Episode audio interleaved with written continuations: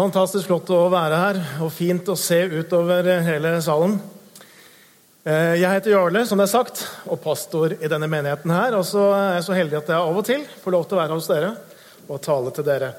Det jeg gleder meg til, det ser jeg på som et privilegium. Eh, vi er i gang med en eh, ny taleserie, starter opp nå, som heter 'Modige bønner'. Og så tror jeg at det kommer til å være en taleserie som kanskje strekker deg litt og som utfordrer deg. Eh, det er i hvert fall noen tekster her og noen temaer i denne taleserien som utfordrer meg ganske kraftig. Jeg skal komme tilbake til det med modige, men jeg har lyst til å si noe om dette med bønner. Litt sånn generelt først. For bønn eh, gjør vi kanskje noen ganger veldig vanskelig og komplisert. Men i bunn og grunn så er det jo en fantastisk mulighet som Gud har gitt oss. Det at vi mennesker, skapninger, får lov til å snakke med Skaperen, med Gud selv. Eh, en klassiker av en bønnebok som er veldig flott, og som fortsatt eh, har masse å gi, den heter 'Fra bønnens verden' og skrevet av Hallesby. Ole Hallesby. Og Han sier noe om hvor naturlig dette med bønn er. Og bare hør følgende. Gud omgir oss i Kristus på alle sider. Vi behøver bare å åpne vår sjel. Og nå er bønnen sjelens åndedrett, det organ hvormed vi slipper Kristus inn i vår visne og tørre sjel, sier Ole Hallesby. Og Poenget er at Kristus omgir oss på alle sider. Og Når vi åpner våre liv, når vi åpner vårt hjerte, når vi åpner vår sjel til Kristus, ja, så blir bønnen dette helt naturlig, at vi får lov til å puste ut til Han i bønn, dele vårt hjerte, og så kan vi få lov til å trekke pusten og ånde inn det Gud har for oss. Det blir sjelens åndedrett, sier Halleby. Og jeg tenker Dette med bønn det er egentlig ganske naturlig. Og så ser vi det på barn. Hvor enkelt og naturlig barn ber. Selv barn som ikke har lært så mye om det. De folder sine hender, noen av de bøyer kne, og så kan de be, snakke med Gud. Og bønn er noe som veldig mange gjør. Sånne spørreundersøkelser viser at et sted mellom 50 og 80% av Norges befolkning de har bedt en eller annen gang i løpet av det siste året. Og så er det mange flere enn de som ville svart på samme spørreundersøkelse at de er kristne. Bønn viser oss jo også noe om hva vi er opptatt av. Hva er det som på en måte ligger på oss? Og ikke minst så kan det være artig å høre et barn som ber. Vet ikke om noen av dere har en lillebror en lillesøster eller husker et eller annet. Sånne bønner de kan være ganske fornøyelige. Jeg har noen få her med meg i dag. F.eks. Louis på ni, som ber Kjære Gud, vær så snill og hjelp meg på skolen. Jeg trenger hjelp i staving, matte, historie, geografi og til å skrive. Jeg trenger ikke hjelp til noe mer. Og så er det Nan på sju som sier Kjære Gud, tipper det er vanskelig for deg å elske alle mennesker på hele jorda. I vår familie er vi bare fire, og jeg kommer aldri til å klare å elske de.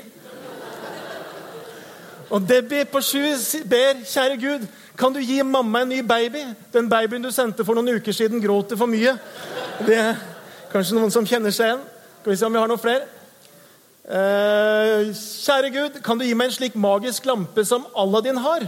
Da vil jeg gi deg hva som helst, eh, bortsett fra pengene mine og sjakkspillet. Hvem har ikke bedt noen av de bønnene der? Kjære Gud, dette er min bønn. Kan du være så snill å gi min bror litt hjerne? Så langt har han ingen. Angela 8. Og så er det Hank på 7 da, som sier, kjære Gud, takk for det fine været i dag. Du lurte til og med værmannen på TV, så han var fornøyd. Sånn er det. Og så eh, er det kanskje noen du har, som du har enten fortalt at du har bedt, eller du har hørt noen andre bedt. Så Det viser noe om hva som ligger på vårt hjerte, og selv voksne kan kjenne seg igjen i noen av disse bønnene her. Og så er det dette her med Bønn er jo på en måte et litt sånt mysteriumsområde. For liksom nøyaktig hvordan bønn virker, ja, det vet vi ikke helt. Og jeg må si at Innenfor det med bønn så har jeg på mange måter flere spørsmål enn jeg har svar. Eh, F.eks. én ting. Det er jo dette. Gud han er allmektig, han er allvitende. Jeg mener, Han kan gjøre hva som helst. Og allikevel, når Jesus er her nede, og så lærer Jesus disiplene sine å be Så noe av det han lærer dem å be, det er dette at vi skal be om at Guds vilje skal skje. Hvorfor i alle dager trenger vi å be at Guds vilje skal skje? Og Gud er allmektig og allvitende. Er han liksom avhengig av oss? Nei, så sier Bibelen det er ikke helt sånn heller. Det står at Gud kan gjøre uendelig mye mer enn det vi kan be om å forstå. Han er på en måte helt uavhengig av oss. Og det er sånn som Petter Dass sier i salmen Gud er Gud om alle land lå øde. Gud er Gud om alle mann var døde. Jeg mener, Gud kan gjøre hva som helst. Og allikevel, i Skriften, i Bibelen, så ser vi igjen og igjen og igjen hvordan Gud handler fordi at det var noen som ba. Så det henger sammen. Gud ønsker på dette området på et eller annet vis å samarbeide med oss. Og det gjør bønn også utrolig spennende. For vi kan være med å påvirke situasjoner omkring oss. Vi kan være med å se at ting skjer som ikke ellers hadde skjedd, fordi det var noen som ba. Og så er det sånn, Når vi ber, så er det jo ikke bare det at situasjonene kan forandre seg. Men faktum er at når vi er der i bønn, så skjer det noe med oss. Vi forvandles når vi ber. Og det er spennende. Eh, en som sier noe om dette med bønn og hvordan ting henger sammen, og som jeg har lyst til å, å dele et sitat med dere. Eh, det er eh, India-misjonæren Stanley Jones. og Vi har det her på veggen. jeg tror jeg skal lese det derfra. Og Han sier følgende.: Bønn er overgivelse. Overgivelse til Guds vilje og samarbeid med Guds vilje. Og så kommer det et veldig bra bilde. Følg med nå. Om jeg kaster en line fra båten jeg er i, inn til land, og trekker meg og båten inn til stranden, er det da stranden jeg trekker til meg, eller trekker jeg meg selv til den? Det er et retorisk spørsmål. Det skal være ganske lett. ikke sant? Det er selvfølgelig ikke stranden du trekker, det er deg selv du trekker inn til stranden. Og så sier han bønn er ikke å trekke Guds vilje til min vilje, men at min vilje kommer på linje med Guds vilje. Og så syns jeg det tar noe veldig flott i forhold til akkurat dette med bønnens mysterium. Så hva er det vi ber om? Ja, du kan jo tenke på i ditt liv. Hva er det du ber om når du ber? Og jeg tror veldig mange av oss, så det vi ber kanskje mest om, eller først om, eller hva vi skal si, det er de nære tingene. Det er 'Kjære Gud, hjelp meg på denne eksamen her'. Det er 'Velsign familien min når de er på reise'. Det er 'Gi meg noen venner på dette nye stedet her'. Helbred min venn. Vi ber om de tingene som er veldig nært. Og så har jeg lyst til å si at det er helt ålreit. Jeg mener, Det lærer Bibelen oss at vi kan gjøre. Jesus lærer disiplene å be for det daglige brød. Det er ganske nært. Og eh, Paulus han sier det til eh, filipperne. Han sier, 'Legg alt som ligger dere på hjertet, framfor Gud i bønn og påkallelse med takk.' Det betyr at alt som ligger deg på hjertet, din bekymring, din nød, du har, der du har vondt, legg det på Herren. Du trenger ikke å fi, eh, måte filtrere ut hva du skal be om. Du kan be om akkurat det du kjenner i ditt hjerte. Legg det på Herren. Og Så er det likevel denne taleserien her, så forsøker vi å se på men går det an å ha et annet perspektiv på bønn. Går det an å la bønn på en måte handle om noe som er større enn de nære tingene? Går det an istedenfor å be hele tiden 'velsign meg', sånn at jeg har det bra, sånn at jeg har det fint, går det an å be 'Herre, gjør meg raus', sånn at jeg kan bety noe for andre? Istedenfor å be, 'Kjære Herre, ta bort denne smerten, ta bort her det gjør vondt', så går det an å be 'Gud, la meg bruke denne smerten til å hjelpe noen som trenger trøst'. Istedenfor å be bønner som handler om meg og den nære, så går det an å snu det rundt og la Gud få lov til å berøre noen gjennom våre liv. Istedenfor å be 'driv arbeidere ut', så går det an å be 'Herre, er det noe sted du vil at jeg skal gå'? vil du sende meg. Og Det er egentlig det som er noe av fokus. Derfor kaller vi det modige bønner. Fordi det er bønner som utfordrer oss på en annen måte enn kanskje mange av de bønnene vi oftest ber. Og Vi skal gå i dag til en av disse bønnene, og tematikken er dette 'Ransak meg, Herre'. Og Jeg syns at dette er en av de mest utfordrende bønnene. Eh, det utfordrer meg Fortsatt, om jeg snart er 50 år, knallmasse. Dette er en utfordrende bønn å be som jeg har lyst å la deg få lov til å være en del av. Vi skal gå til Salme 139, vers 23 og 24. Det er de to siste versene, versene i denne salmen. Og så skal vi ta det som utgangspunkt for det vi skal si i dag. Ransak meg, Gud, og kjenn mitt hjerte. Prøv meg og kjenn mine tanker. Se om jeg følger avguders vei, og led meg inn på evighetens vei. Det er den teksten vi skal ta utgangspunkt i. Så hvorfor? Det er jo en litt snodig bønn, er det ikke det? Hvorfor i alle dager skal David be Gud om å ransake hans hjerter og kjenne hans tanker og se hvilken vei han er på? Gud vet jo det, Herre. Gud vet jo alt. Så Gud trenger egentlig ikke å ransake David for å kjenne det, for å vite det. Men David, han trenger å få opplyst noe om dette, hvordan det står til med sitt hjerte, hva som finnes i hans tanker, hvor han er på vei. Og Derfor er det ikke en bønn om at Gud skal vite, men David ber en bønn om at Gud skal vise ham. Det er en bønn om selvinnsikt og selverkjennelse. Det er det denne bønnen er. Og nettopp derfor så er det en bønn som utfordrer oss. Som utfordrer meg, og jeg vil tro den også utfordrer deg. Så er det egentlig fire på en måte små bønner i disse to versene. Og så kan vi ta de vers, eller bønn for bønn, egentlig. Det første han ber, det er dette vi se. Der, ja. Første er dette 'ransak meg, Gud, og kjenn mitt hjerte'. Og Når David her ber Gud om å ransake hans hjerte, så er det selvfølgelig ikke på en måte en eh, blodpumpa det er snakk om. Det skjønner dere. Det er snakk om det indre mennesket. Og han ber til Gud må du avdekke mine motiver. Må du vise meg hvilke på en måte, drivkrefter som finnes i dypet av min personlighet. Må du vise meg på en måte hva som er her inne. Det er det David ber. For hjertet vårt, hvordan er det?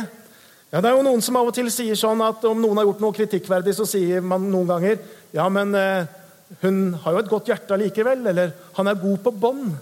Ikke sant? Og jeg tenker Om det hadde bare vært sånn Og så er det ofte ikke sånn. Hvis det hadde vært sånn at liksom vi gjør noe vondt, vi gjør noe vi angrer på fordi vi vokste opp i feil nabolag, eller vi var sammen med feil folk, eller vi hadde sett noe vi ikke skulle se, eller vi hadde spist noe vi ikke skulle spise Altså Hvis det var noe på en måte ytre som påvirka oss til å gjøre det som var vondt, så hadde det vært veldig enkelt. Men problemet er større enn som så. Problemet er at noe av disse drivkreftene det finnes dypt i vårt hjerte.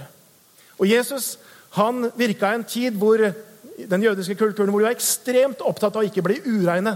De kunne ikke ta på ulike mennesker, f.eks. de spedalske. Da ble de ureine. De kunne ikke ta på et lik. Da ble de ureine. De kunne ikke spise sånn og sånn mat, f.eks. gris. Da ble de ureine. Og Så kommer Jesus og så sier han noe i Matteus kapittel 7 som jeg har lyst til å vise dere. Um, og Vi har neste bilde. Ja. Uh, og det Jesus, Jeg skal ikke tro jeg tar tida til det, men det Jesus sier her, det er det at Skjønner dere ingenting? Det er ikke det som kommer utenfra, som gjør dere ureine. Han sier, 'Spiser dere mat?' Så går det inn i munnen, og så går det ned i magen, og så forsvinner det ut igjen. Det går ikke inn i hjertet. Men så sier han følgende For innenfra, fra menneskehjertet, kommer de onde tankene. Hor, tyveri, mord, ekteskapsbrudd, grådighet, ondskap, svik, utskeielser, misunnelige øyne, spott, håmod, vettløshet. Ikke sant? Fra hjertet kommer det, sier Jesus. Og så snur han det helt rundt. Og I Jeremia eh, kapittel 17 så står det et bibelvers. Det står der at hjertet er mer svikefullt enn noe annet. Og Det står der midt i en tid som vår, hvor det er så utrolig på en måte, hva er liksom det folk sier? Du må følge hjertet ditt. Og så er hjertet i beste fall et livskompass vi må på en måte ta og være skeptisk til, for det kan lede oss veldig feil av gårde. Hjertet vårt kan svikte oss. Det er svikefullt. Hvem er det det lurer? Jo, det lurer først og fremst oss sjøl. Og så kan vi på en måte la oss lure, og så snakker vi om at nei, jeg stjeler jo ikke. Jeg bare låner. Eller jeg baktaler ikke. Jeg bare deler bønnebegjær. Eller Ikke sant? Og så har vi alle de greiene som vi lager rundt oss. Og så vet vi egentlig når vi står midt oppi det, at dette her, det står jeg egentlig ikke for. Nå gjør jeg egentlig noe feil. Og så sier vi kanskje sånn som Ja, ikke for å skryte, altså. Og så skryter vi. Mm. Ikke for å kritisere, og så er det noe sånn eder og galle som kommer ut. Ikke for å være frekk. Og så lar vi oss lure av et svikefullt hjerte. Igjen og igjen og igjen. Hvis du googler og følger hjertet ditt på Google, for jeg gjorde det i går, så dukker denne måte posten her fra et forum ganske tidlig opp. Jeg må følge hjertet mitt. Og det betyr dessverre slutten på to forhold. Ikke sant? Og Da er det kanskje lurt å tenke seg litt om. og tenke kanskje ikke det er så lurt å følge hjertet bestandig. Bibelen sier noe om dette. Hjertet vårt er svikefullt. Vi kan ikke stole på det. Og Det er det David ber om.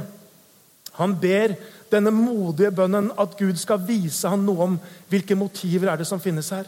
Hva er det som gjør at jeg gjør det jeg gjør? Hvorfor poster jeg det på Facebook? Hvorfor sier jeg de ordene til min gode venn? Var det uskyldig moro, eller var det for å hevde meg på en eller annen måte?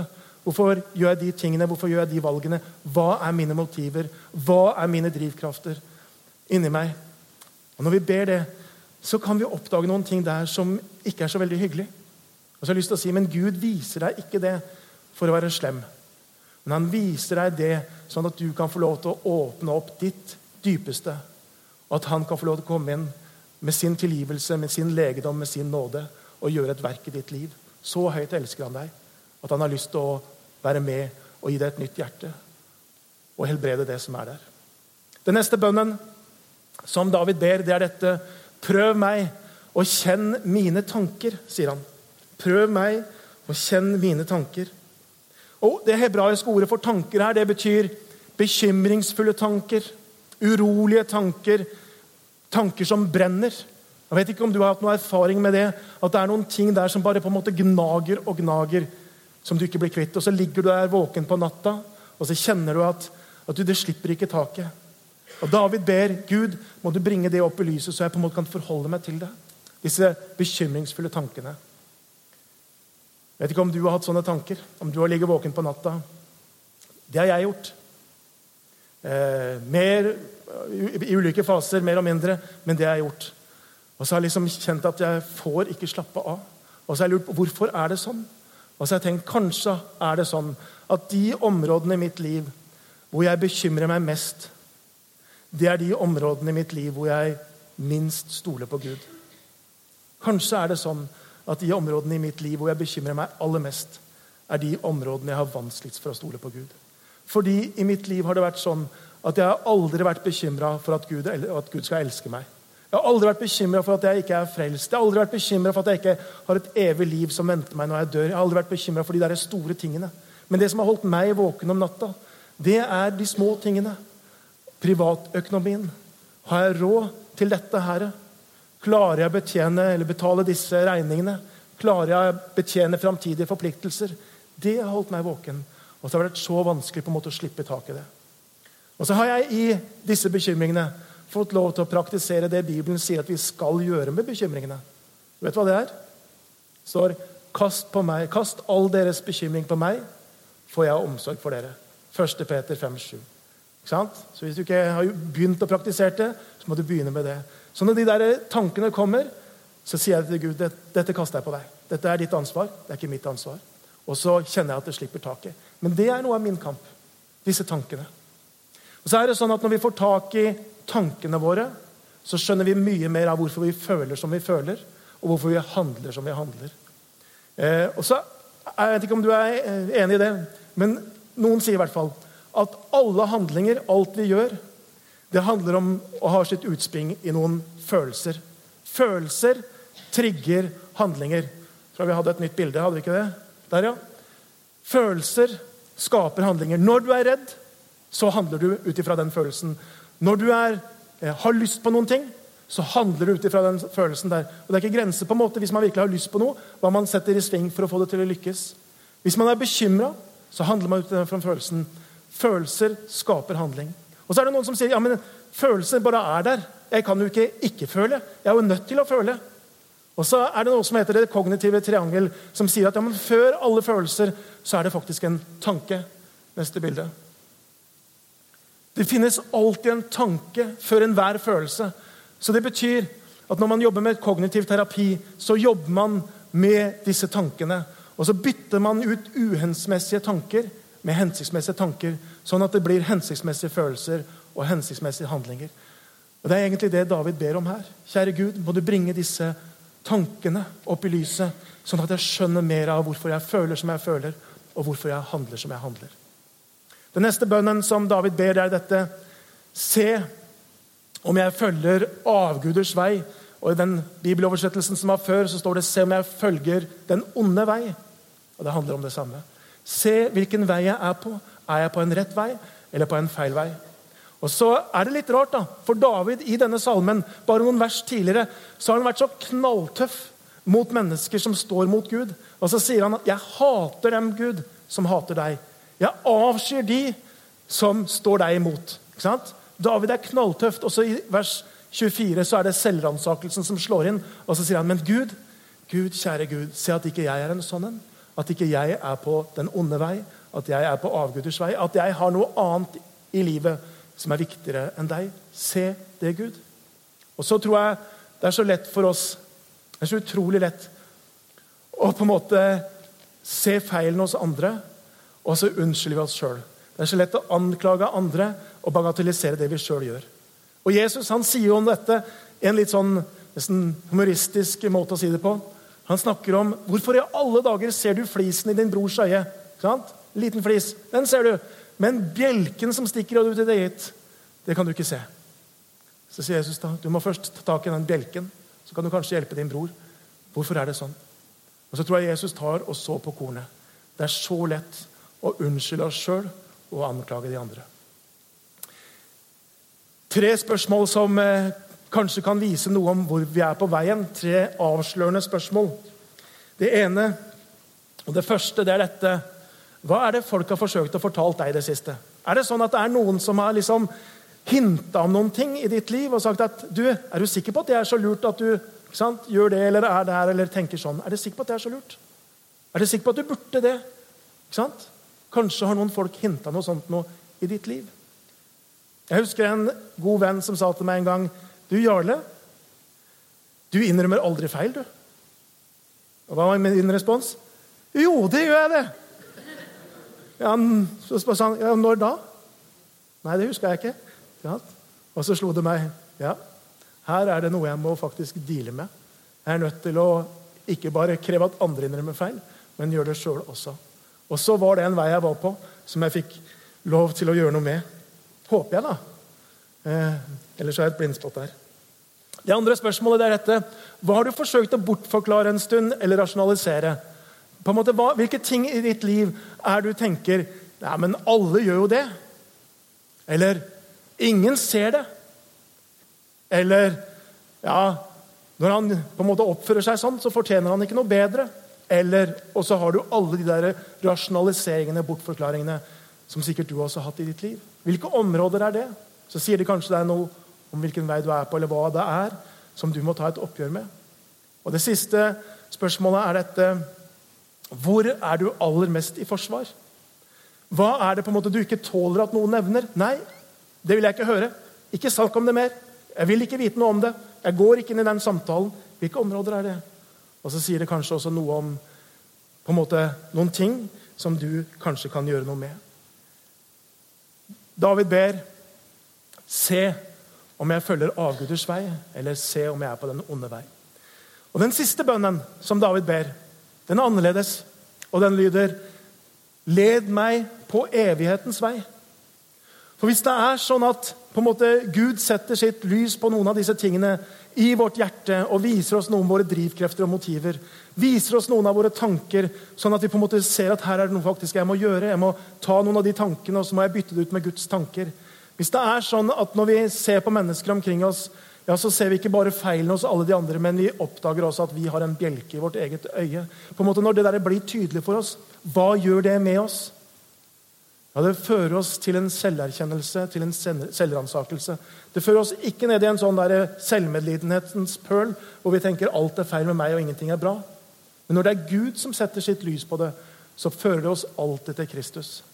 Og så oppdager vi dette. Jeg trenger Jesus i mitt liv. Jeg trenger hans nåde. Jeg trenger hans tilgivelse i mitt liv. det er noen ting her som jeg bare må bekjenne og få tilgivelse for.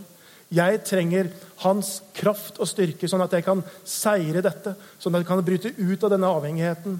Jeg trenger hans sannhet, så jeg kan bli satt i frihet. Når vi senderansakelsen er der, så fører det oss til Kristus. Det peker på Kristus og det vi har i Han, og det Han ønsker å gi oss. Led oss inn på evighetens vei.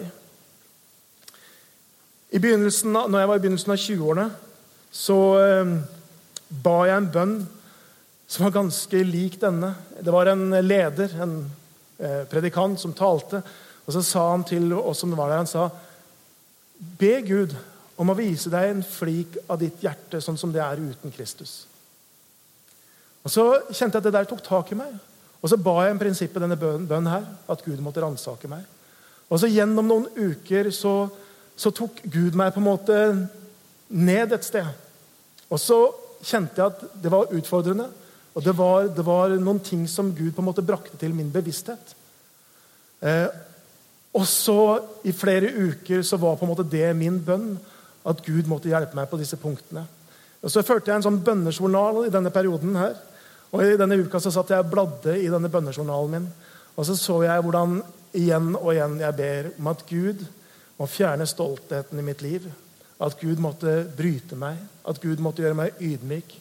At Gud måtte lære meg å stole på ham. For det var det som var mitt problem. Stoltheten gjorde at jeg holdt en god armlengdes avstand både til Gud og mennesker. egentlig. Jeg ville klare meg sjøl. På en måte ville ikke ha han for tett på. Og så klarte jeg ikke å stole på Gud.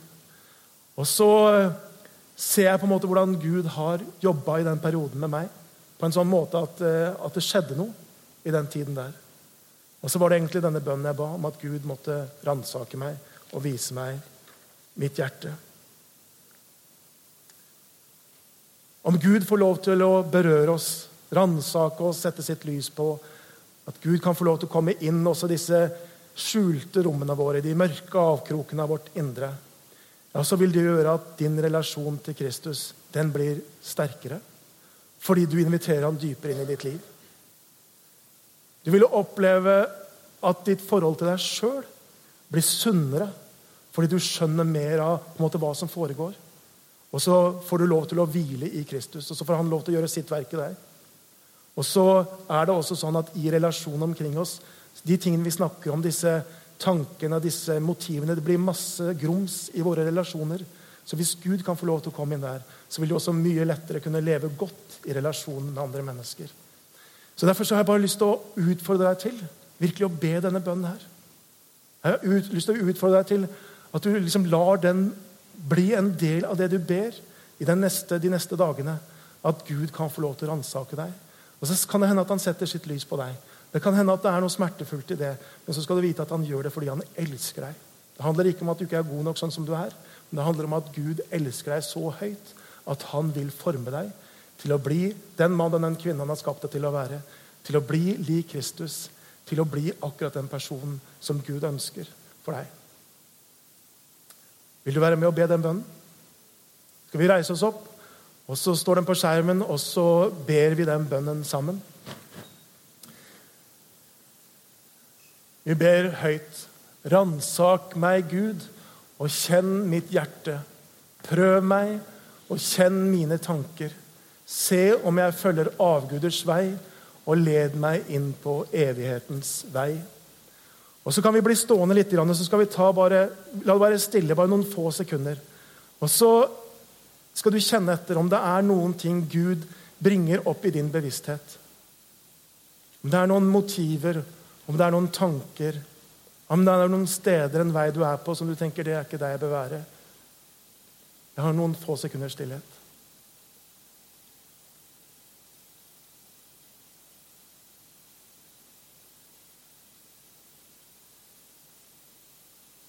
Hvis du har blitt minnet om noe nå, så vil jeg at du skal løfte en hånd. Vi holder øynene igjen, og så vil jeg be for deg. Så gjør vi det bare sånn. Men innenfor Gud så kan du gi meg et signal på at du har skjønt, at du har sett.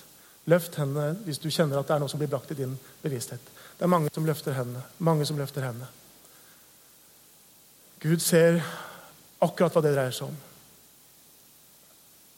Er det flere? Jeg har lyst til å be for dere.